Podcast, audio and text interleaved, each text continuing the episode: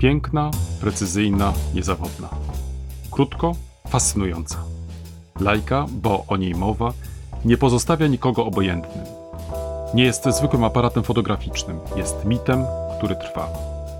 Podcast Wielka Historia Małego Aparatu chce się zmierzyć z historią tego aparatu fotograficznego, jego twórcami i użytkownikami, lajkistkami i lajkistami jego mitem. Dopiero dwa lata po premierze aparatu małobrazkowego Leica zaczęły pojawiać się w polskiej prasie fotograficznej jego reklamy. Początkowo informacje były bardzo lakoniczne. W następnych latach e, rozbudowywano je, dochodząc do całej strony. Często reklamę produktu łączono z pasującym do niego filmem. Rzadko zamieszczano natomiast informacje o sprzedaży używanych aparatów. Na początku lat 30. pojawiły się pierwsze broszury informacyjne. Natomiast w drugiej połowie lat 30. XX wieku, wraz z rozpoczęciem druku nowego czasopisma fachowego poświęconego lajce, najpierw Moja Lajka, potem Lajka w Polsce, użytkownicy byli informowani na bieżąco o nowościach zakładów z Wetzlar, rozwoju filmów do aparatu, metodach wywoływania klisz. Rynek czasopism fotograficznych w dwudziestoleciu międzywojennym w Polsce ulegał znaczącym zmianom. W całym okresie ukazywało się do 11 różnych tytułów rocznie. Większość z nich e, wiodła jednak efemeryczny żywot kilka lat, głównie z powodów finansowych. Do najdłużej ukazujących się czasopism należał Fotograf Polski.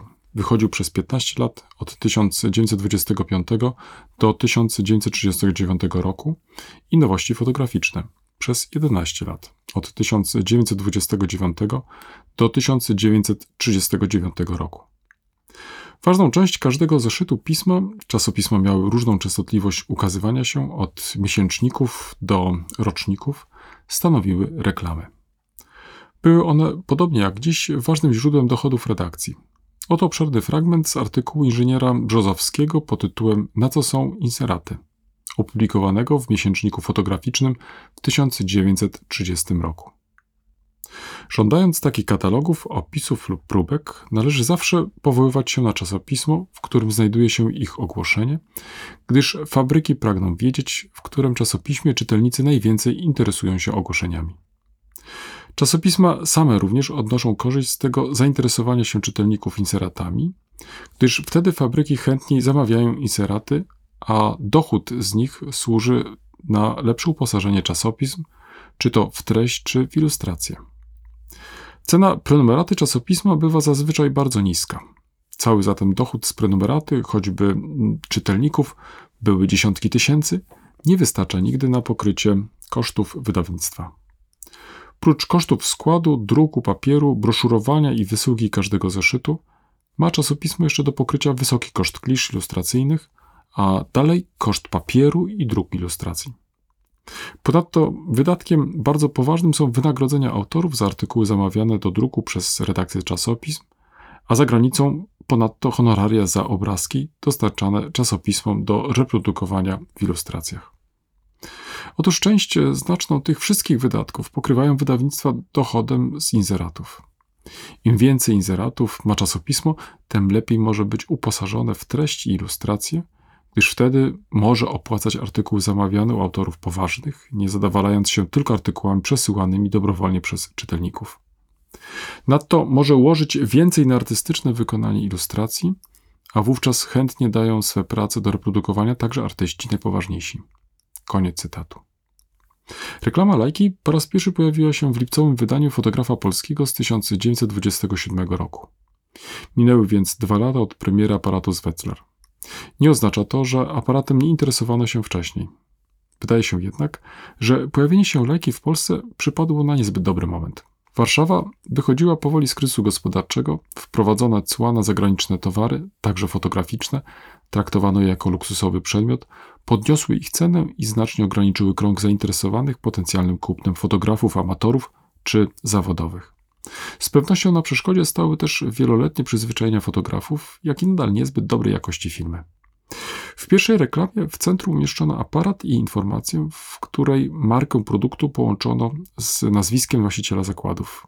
Lajka, lajca, do zwykłych filmów kinowych z migawką szczelinową i zamkniętą przesłoną. Koniec cytatu. Następnie ogłaszano, że jest to aparat fotograficzny najnowszej konstrukcji, W każdej kasetce 36 zdjęć. Mały, zgrabny i lekki.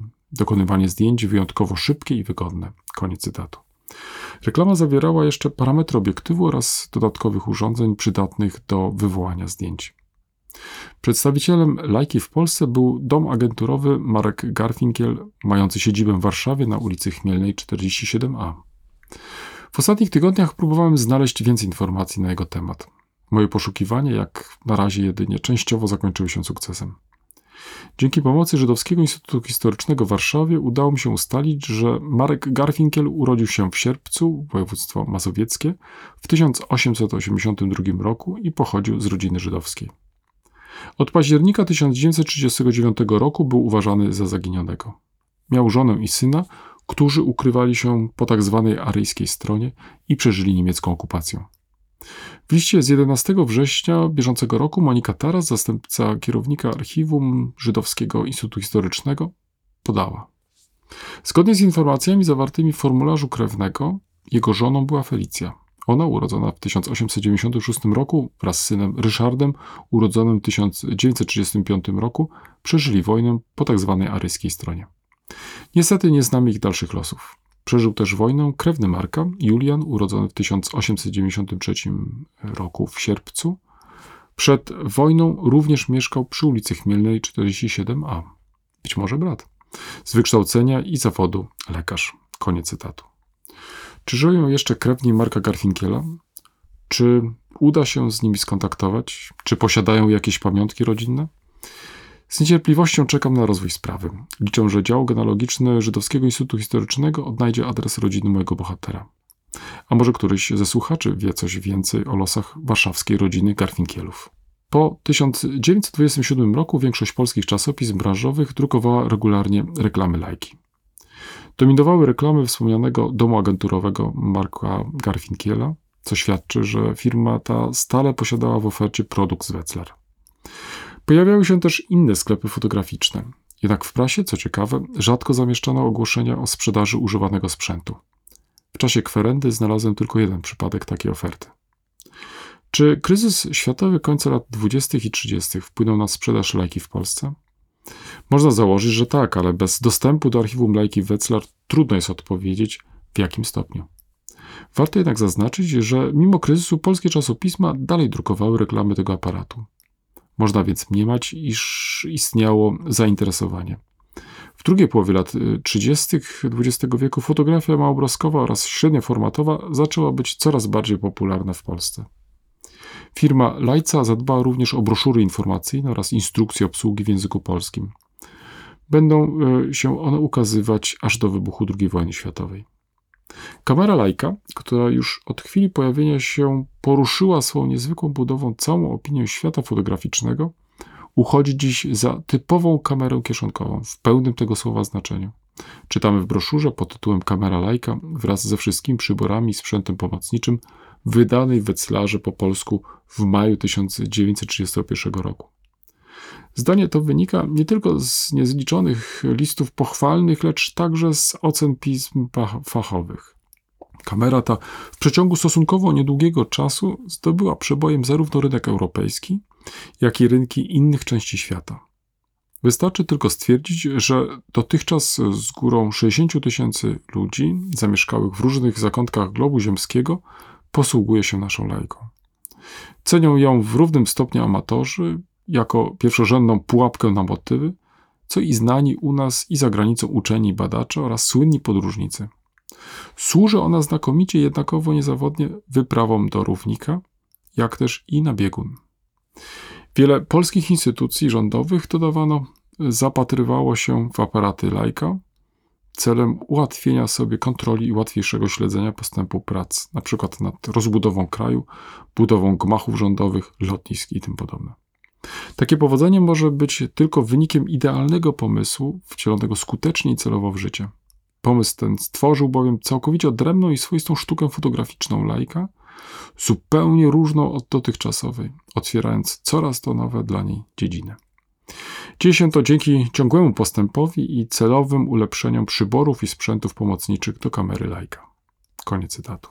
Zatem o lajce nie tylko czytano, Kupowano ją i fotografowano nią coraz częściej także nad Wisłą.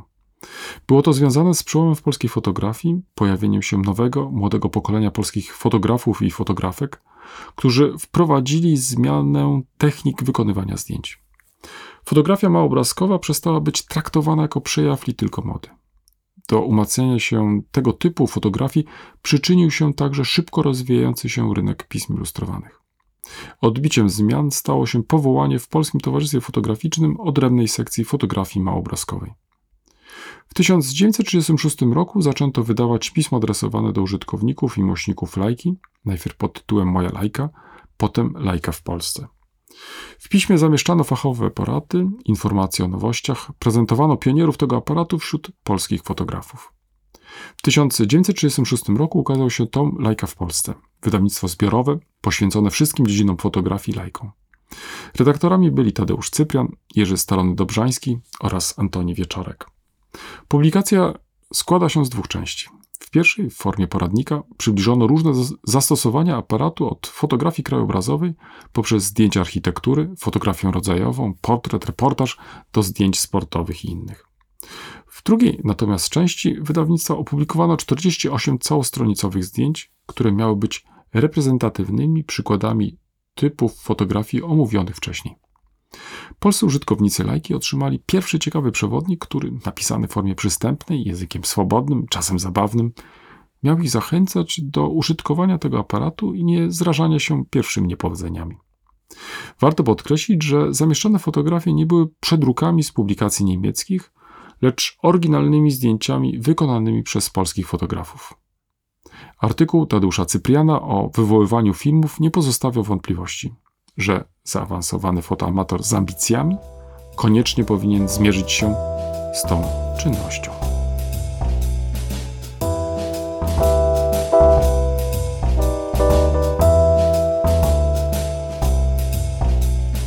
W tym miejscu stawiam kropkę. To nie koniec, a zaproszenie do dyskusji i następnego odcinka.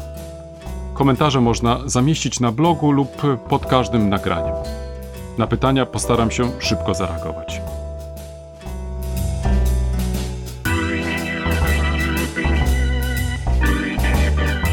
Dziękuję za uwagę i do usłyszenia.